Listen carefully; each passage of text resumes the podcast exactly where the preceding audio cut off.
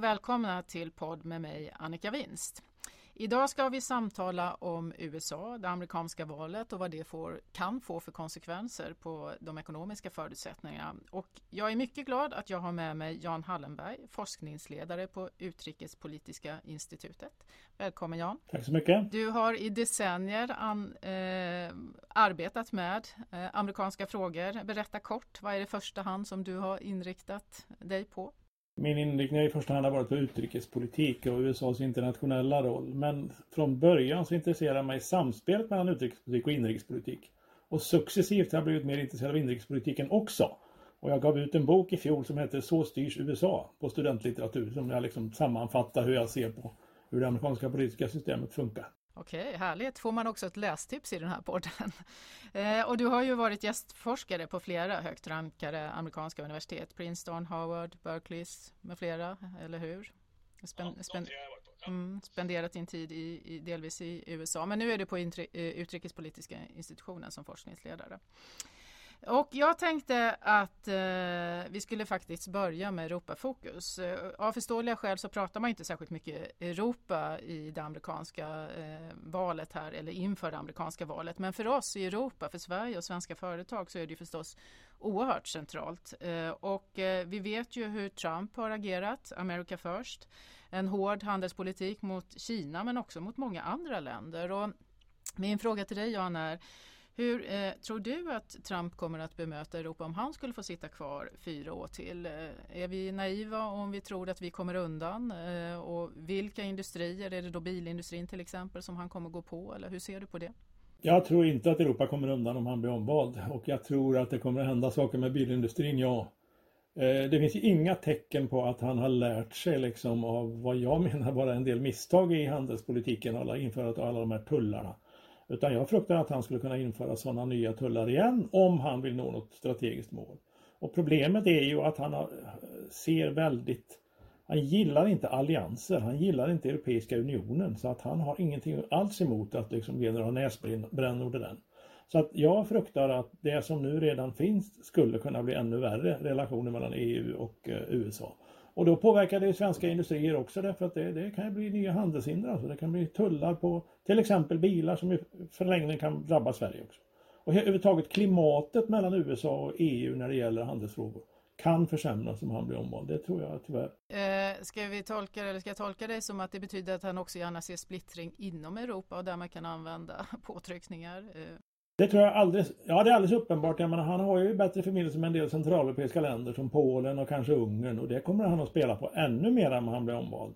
Och det stärker ju inte EU och inte EUs förhandlingsposition gentemot USA. Så att jag, jag tror precis som du säger att den splittringen kommer han definitivt att spela på om han får chansen. Hur väl förberedda är EU då på den sortens bemötande? Ja, det har jag svårt att bedöma, men jag, jag tror att alltså det, det, finns ju ändå lärdomar som har dragits av byråkraterna i Bryssel och utav de utrikespolitiker och andra statsledarna i, i, EU som jag tror att de är medvetna om att detta kan inträffa om presidenten blir omvald. Ja, det tror jag, men eftersom han är så väldigt svårförutsägbar eh, i både detaljer och i stora saker så, så tror jag att de fruktar alltså detta eh, i Bryssel och i övriga EU-huvudstäder om detta skulle inträffa. Eh, bilindustrin är ju viktig för Tyskland som Europas motor så det är kanske naturligt att gå på den. Den är också viktig för USA men den är också viktig för Sverige. Men, men kan du tänka dig andra branscher, sektorer som han ser som eh, centrala? Ja, nej, men det är ju de här traditionella kol och stål och sånt där. Jag menar stålindustri, jag vet inte hur mycket det finns i Europa men det finns ju en del fortfarande. Och det har han ju infört tullare och det kan jag tänka mig att han gör fortfarande. Aluminium, alltså sådana här, vad han menar vara strategiska industrier. Det kan han ta till ytterligare om han tycker att han inte når sina mål.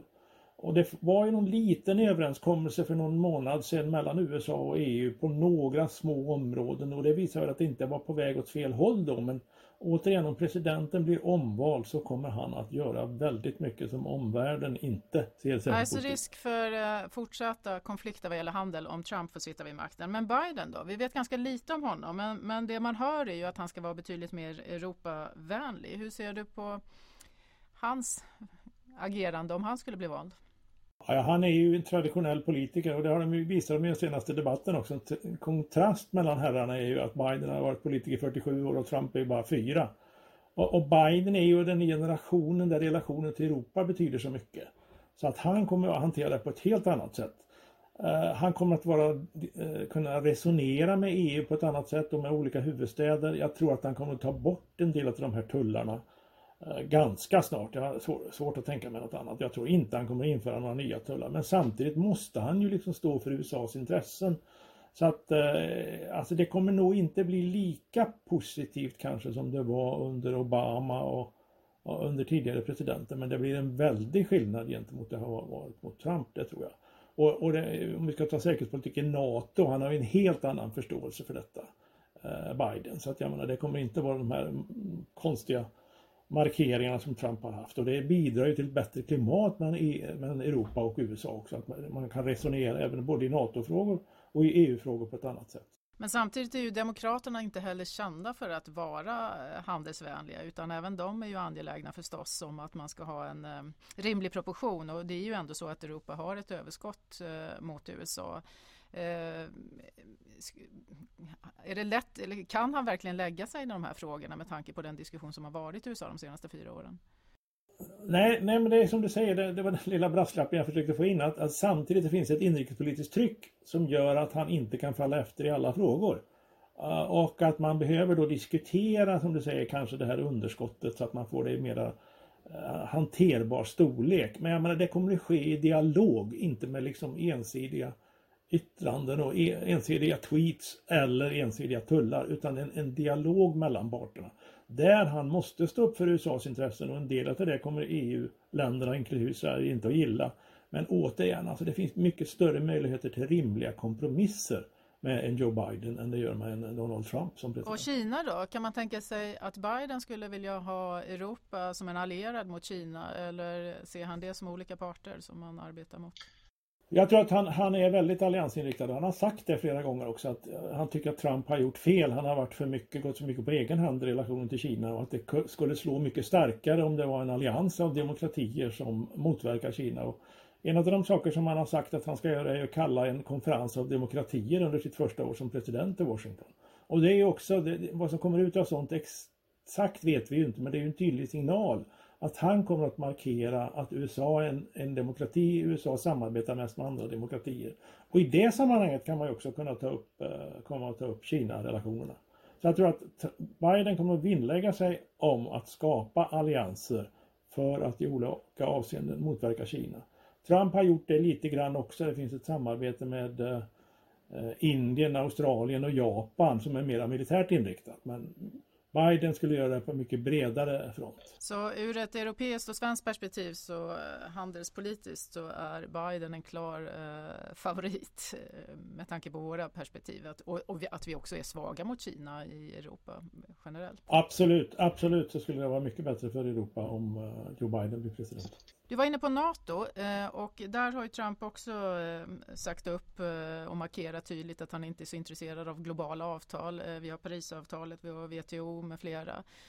Hur ser du på det då? Om Trump sitter, är det fler sådana samarbeten som han kan gå på? Och Biden, hur kommer han plocka tillbaks några av dem? Trump kommer att gå på ännu hårdare i, i flera internationella sammanhang och jag menar, han kommer att kräva ännu mer av NATO-medlemmarna tror jag. Nu är det ju 10 tror jag som är uppe i 2 av BNP. Eh, det som han kräver alltså till försvarsindustri, till, till försvarsutgifterna. Det kommer Trump att trycka väldigt hårt på. Medan däremot återigen Biden är mycket mer resonabel och inte kommer att eh, trycka på Europa på, på det sättet som eh, Trump gör. Så att jag, längs hela linjen så tror jag att eh, Biden är mer resonabel men återigen, vi, vi är inte längre i 2012-2014 utan det har ändrats. Så att han måste liksom markera gentemot sin inrikes eh, politik, eh, politiska sammanhang, Biden, att USAs intressen måste ta större utrymme. Så att det har ju skett en förskjutning. Vi får inte liksom förvänta oss att, att det blir liksom eh, pappa Bush förståelse utav Europa utan det blir ett lite annat perspektiv som, som Europa får möta. Och, men ändå, ja, men det är en, jag måste betona det, det är en skillnad att hantera detta i dialog och förhandlingar än ensidiga utspel som ofta är väldigt illa genomtänkta. Eh, för Sverige, många svenska företag men också för Europa är hållbarhetsfrågorna centrala och Biden har ju varit, eh, ja lyft dem i alla fall medan Trump snarare har gått på och försökt att gynna och hjälpa kolgruvor med, med, med flera. Eh, hur ser du på det? Finns det en möjlighet till ett grönt samarbete eller mer hållbart samarbete med Biden? Ja, det tror jag. Men eh, alltså, Biden är mycket mer inriktad på detta. Men samtidigt måste vi förvänta oss någonting som jag funderar på att jag måste få fram i den här intervjun. Det är ju att det blir väldigt svårt att få igenom omfattande förändringar i kongressen. Även om Demokraterna vinner båda husen. Framförallt på den gröna sidan så finns det stora industriintressen och stora ekonomiska intressen och många republikaner som håller emot. Det kommer på samma sätt som jag sagt tidigare vara en bättre dialog men alla de här grandiosa planerna som eh, Biden har, han har 45 eller 50 olika stora satsningar han ska göra. Hur många av dem som kommer att komma igenom kongressen kan man verkligen diskutera. Han kommer att återgå till Parisavtalet, vi talade om det tidigare, och han kommer att återgå till andra samarbeten. Men hur mycket han kan göra inrikespolitiska reformer som verkligen betyder någonting och få det genom kongressen, det är väldigt tveksamt. Men det blir en annan attityd igen återigen, en dialog och jag menar en dialog inom Parisavtalets ram, vilket ju bara det för Europa skulle vara en väldig fördel jämfört med hur det råder. Mm. Samtidigt så ser man ju att eh, delstaterna själva och företagen i USA till viss del driver på de här frågorna för att de tycker det är viktigt. Så jag menar, jag har all respekt för det du säger med kongressen, men det kan ju också ske parallellt i näringslivet. Det, det, kommer att ske massa på olika områden. Jag menar som politolog vill jag ändå hålla framhålla det här med de politiska svårigheterna att reformera USA. Men samtidigt, eh, den enorma dynamiken i den amerikanska ekonomin finns ju kvar. Och som du säger, en del av de industrierna går ju själva i vad säger, europeisk riktning och emot vad Trump och hans miljömyndighet egentligen vill, vill att de ska göra. Så på så sätt så finns det ju redan en rörelse som är förstående för de europeiska perspektiven. Och den rörelsen kommer att bli ännu starkare under Biden, men återigen, de stora politiska reformerna, det är, de är vi lite naiva där? Att vi tror att när man bara ser vad som behövs så kommer det hända? Ja, och jag menar, de amerikanska väljarna är också naiva. För att jag menar, de tror alltid att det kommer en riddare på, liksom, ritande, på den vita hästen och så ska han uh, rensa upp i stallarna där och så blir allting jättebra. Och så finner de då efter fyra år att 20 procent av det som utlovas möjligen har kommit igenom. Och det är ju ett problem för den amerikanska demokratin.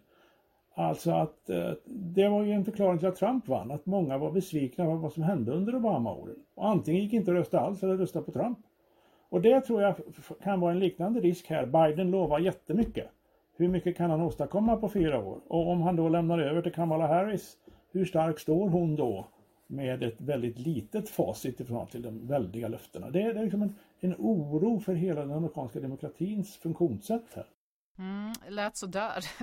Eh, men jag tänkte vi ska byta lite fokus. Du har varit inne på politiken nu men, eh, och då tänker jag att eh, för marknaden, finansmarknaden så är det oerhört viktigt att det blir ett tydligt valresultat.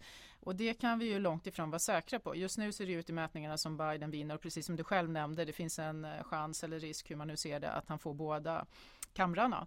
Eh, och det har förstås betydelse för vilken politik man kan föra. Men, men eh, det talas ju ändå en del om att det kan bli ganska stökigt. Och om jag förstår det rätt så är det ändå så att presidenten ska senast den 20 januari eh, tillträda sin position.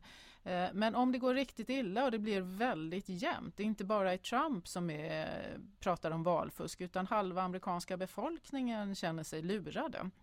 Är du orolig för våldsamheter och den sortens utmaningar? Ja, det är jag. Men alltså, jag har försökt fundera på den här som du ställde frågan förra veckan. Alltså, 70 chans att det går någorlunda bra. Om det går som opinionsundersökningarna säger. Det är gissningar det här. 20% risk att det blir liksom juridiska stridigheter om de enskilda delstaterna. I Pennsylvania finns en regel som säger att om man skickar in en, en poströst så måste man lägga det i två kuvert. Om man bara lägger det i ett kuvert så blir rösten underkänd. Och det kan vara upp till 100 000 väljare som gör det, har de skisserat i, i Pennsylvania med 67 miljoner totalt. Valresultatet där skilde på 44 000 röster förra gången. Alltså det kan bli väldiga juridiska strider och det finns de andra två delstaterna som det var nära, Michigan och Wisconsin, det är liksom 20 och 11 000 röster som skiljer. Så det kan bli riktiga juridiska strider eh, om det här. Och i förlängningen, mindre än 10 risk, så kan det bli liksom någon sorts väpnade konfrontationer. Men alltså hela det amerikanska systemet är medvetet om det här. Nationalgardet har 450 000 personer under vapen. Det finns mängder med polismyndigheter, stor förberedelse. Det finns ett amerikanskt universitet som har gjort upp en lista på alla miliser i alla delstater och tillställt det delstatsmyndigheterna så man är medveten om vilka motståndarna är, de, de tänkbara eh, upprorsmakarna. Så att, alltså, det är inte uteslutet men, men jag tror inte att det kommer att kunna inträffa lokalt i olika delstater. Michigan eh, till exempel där det finns mycket miliser och där det har varit mycket strider mellan den kvinnliga guvernören och de republikanska väljarna. Så det finns sådana enstaka delstater men inte på systemnivå. Det är väldigt osannolikt. Det var ju betryggande att höra med tanke på att säkerhetspolitiska frågor är det som du har eh, fokuserat på under mång, många år. Men om vi tänker att det inte blir våldsamhet utan vi tar snäppet där under. Eh, om det ändå då är osäkert vem som ska bli president, eh, vem avgör det sluta skedet? Är det senaten som röstar? Trump hotar ju med att det är högsta domstolen ja, som ska alltså, avgöra. Men det kan ju gå om det är en enskild delstat. Om det är så att det står precis jämnt mellan parterna och att det är en enda delstat som avgör, till exempel Pennsylvania. Då kan man ju eh, tänka sig juridiska stämningar som går först till Pennsylvanias högsta domstol och sen direkt upp till USAs högsta domstol som hände 2000 när Al Gore kämpade med George W Bush. Det är inte uteslutet. Men alltså det, det är ganska osannolikt. Och frågan är då hur skulle ett sådant utslag se ut? Och om det utslaget går tydligt till Republikanernas fördel, om den här kvinnan har blivit utsedd till eh, Amy Coney Barrett till den nionde domaren Alltså då kan man ju tänka sig att den liksom eh, demokratiska halvan av befolkningen är fruktansvärt upprörd. Alltså det finns eh, scenarier som kan göra, kanske inte våldsamheter, men stora sociala oroligheter om den ena halvan, den andra halvan känner sig fullständigt överkörd. Eh, och jag tror väl att just det här scenariot är det som kanske skulle vara allvarligast för legitimiteten i systemet. Att liksom republikanerna kör över vad Demokraterna behandlar, betraktar som en tydlig seger för Biden. Och uselt ur ett finansmarknadsperspektiv Ja, också. ja, självklart. Det är os osäkerhet. Klart tydligt vad som... Alltså, men, men den, jag har ju följt valen sedan 1968. Det har ju aldrig förekommit något liknande som det här. Alltså riskerna är ju större men det är ju fortfarande liksom några procents risk. Vi ska inte överdriva här. Va? Och vi får ju titta på det här valresultatet på, på natten här mellan tredje och fjärde. Och när man ser till exempel hur det går i Florida. Om Biden vinner Florida, då är saken klar. Eh, om han inte vinner Florida, då blir det lite mer spännande. Men det är några tidiga resultat. Florida, North Carolina brukar han säga, kommer komma under valnatten. Går båda de till Biden, då kommer Biden att vinna. Förlorar han båda, då blir det lite mer spännande. Det mest sannolika då? Du säger att det är liten eh, risk ändå för att de här mest eh, våldsamma eller eh, alldeles jämna som går upp i domstolsresultaten blir. Vad, är det mest sannolika som du ser det? Vad tror du att vi kommer hamna? Kommer vi veta inom en, en vecka vem som har vunnit? Eller Nej, jag tror vi kommer vinna, veta inom en tre, fyra dagar vem som har vunnit. Jag, det är det mest sannolika resultatet. Ett ganska tydligt resultat till förmån för Biden. Eh, och han kommer att vinna tillräckligt många delstater för att ha klart över 270 elektorsröster. Det är min gissning. Ja, låt oss hoppas eh, på det. Eh, och om vi då tar eh, och byter lite grann fokus. Så jag sa att det är viktigt för, för finansmarknaderna att man får ett eh, klart och tydligt besked. Eh, och sen kanske det inte har lika stor betydelse vem, utan man vill ha en, en, ett klart besked. Eh, men det är också viktigt att man får ett finanspolitiskt paket på plats. Och det pratar man ju redan om nu. talmannen och Demokraterna lobbar för att man vill ha det före valet. finns det någon chans Nej. för det som du ser det? Om, omöjligt. Det, det, är politiskt omöjligt. Eh, och det är praktiskt omöjligt. Det, måste, det är så väldiga eh, lagstiftningsåtgärder som måste till och de finns inte. Jag tror att sannolikheten ökar efter valet, eh, the lame duck session innan den nya presidenten eller nygamle presidenten tillträder. Då ökar nog sannolikheten något. Men det är liksom tre, man får ta det kort, stora skiljaktigheter mellan partierna. Det ena är storleken på paketet. Där Republikanerna tycker att det blir för mycket med 2000 miljarder dollar, eller vad Nancy Pelosi vill ha. Det andra är hur mycket av detta ska handla om en pandemistrategi. Demokraterna kräver väldigt mycket pengar, till exempel till mycket omfattande testningar. tycker Republikanerna är för mycket. Och det tredje är ju hjälp till delstater och städer som har drabbats mycket av pandemin. Där säger Republikanerna att det här är vanskötta äh, demokratiska Eh, delstater och de behöver inte några pengar. Medan Demokraterna säger att får de inte pengar så kommer tiotusentals, hundratusentals människor bli arbetslösa. Eh, poliser, brandmän, kommunalanställda, statsanställda kommer att bli arbetslösa om det här hjäl hjälpen inte kommer. Så där är väldigt stora skiljaktigheter fortfarande. Eh, men någonstans inser ju politikerna att det här måste komma till. Så att ja, valet måste göras först, sen ökar sannolikheten. Blir det sen inte under den här lame duck-perioden så kommer Biden att lägga fram ett eh, förslag i början av sin period från 20 januari. Och eh, det blir ju, enklare, ju större majoritet Demokraterna har, ju enklare blir det att få igenom det avtalet. Men någon form kommer det ju att komma inom de närmaste eh, tre månaderna. Jag kan inte föreställa mig något annat. Men tre månader är lång tid ur ett marknadsperspektiv. Så om vi antar att du har rätt, att, att vi har en president inom tre, fyra, fem dagar. Eh, betyder det då att marknaden ändå kan känna sig trygg? Att, eh, då kan man luta sig mot vad den personen har sagt eh, man vill driva och utgå från att det blir ungefär de paketen om som ligger. Om vederbörande har en majoritet i båda husen i kongressen.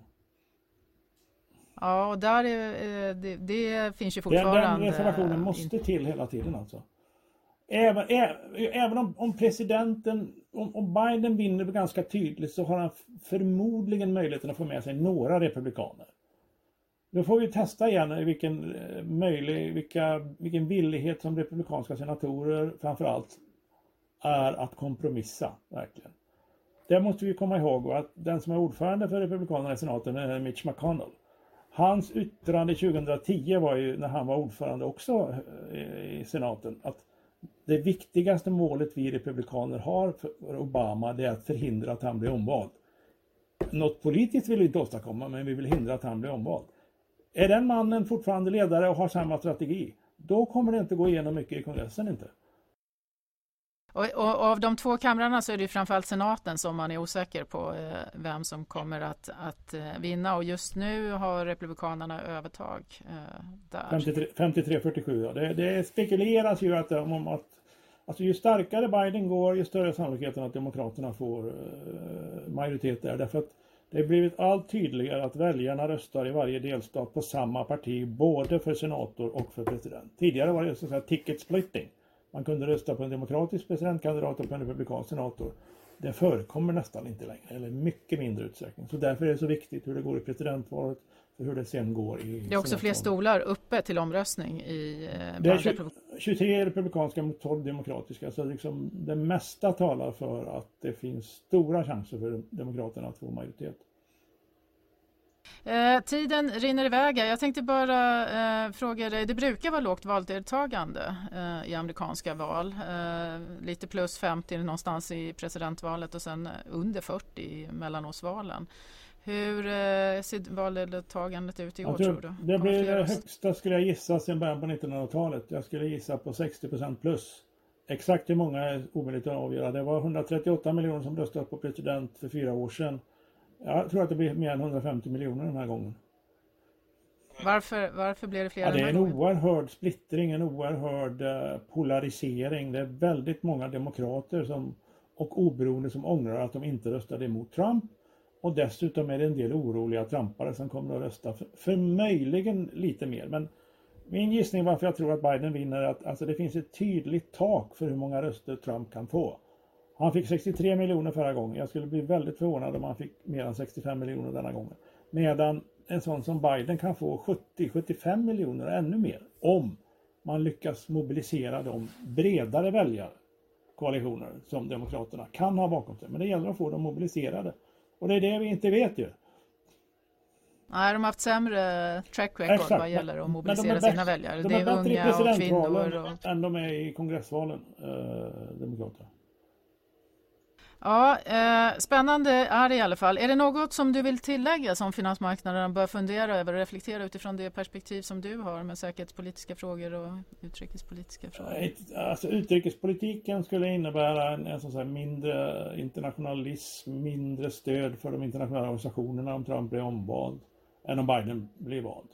Alltså, jag vill bara tillägga att, eh, jag kanske inte gör eh, er ekonomer gladare här, men alltså om Trump blir omvald så fruktar jag att den amerikanska demokratin kommer att urholkas ännu mer än den redan har gjort under Trump. Och det, det måste eh, framhållas att det denna man håller på med och det republikanerna gör urholkar den amerikanska demokratin. Vi har ju till exempel en väldigt tydlig så kallad voter suppression. Alltså republikanerna arbetar systematiskt för att se till att färre personer röstar i de delstater där republikanerna styr. Alltså det är ju en väldigt märklig politisk eh, strategi att minst, försöka minska valdeltagandet istället för tvärtom. Det där är, om det fortsätter, och jag kan ta många exempel men jag ska inte göra det nu, men jag, jag, jag är orolig för det. Och jag, man, man kan titta i min bok, jag skriver lite grann om det där. Lite referenser. Jag hoppas att det inte blir så, men om det skulle bli så då kommer jag bjuda tillbaks dig så får vi ha eh, det samtalet eh, eh, därefter. Men eh, det har varit väldigt spännande att lyssna till dina reflektioner. Stort tack eh, Jan. Och för er som lyssnar så skulle jag bara vilja säga att om ni är intresserade av det amerikanska valsystemet så har ju UI, alltså utrikespolitiska institutionen där du arbetar, en väldigt bra hemsida där det står klart och tydligt informativt om hur amerikanska valsystemet eh, ser ut. Så läs gärna där om ni är mer intresserade. Så, tusen tack för att ni har lyssnat och om igen stort tack Jan för att du tack ville vara med oss.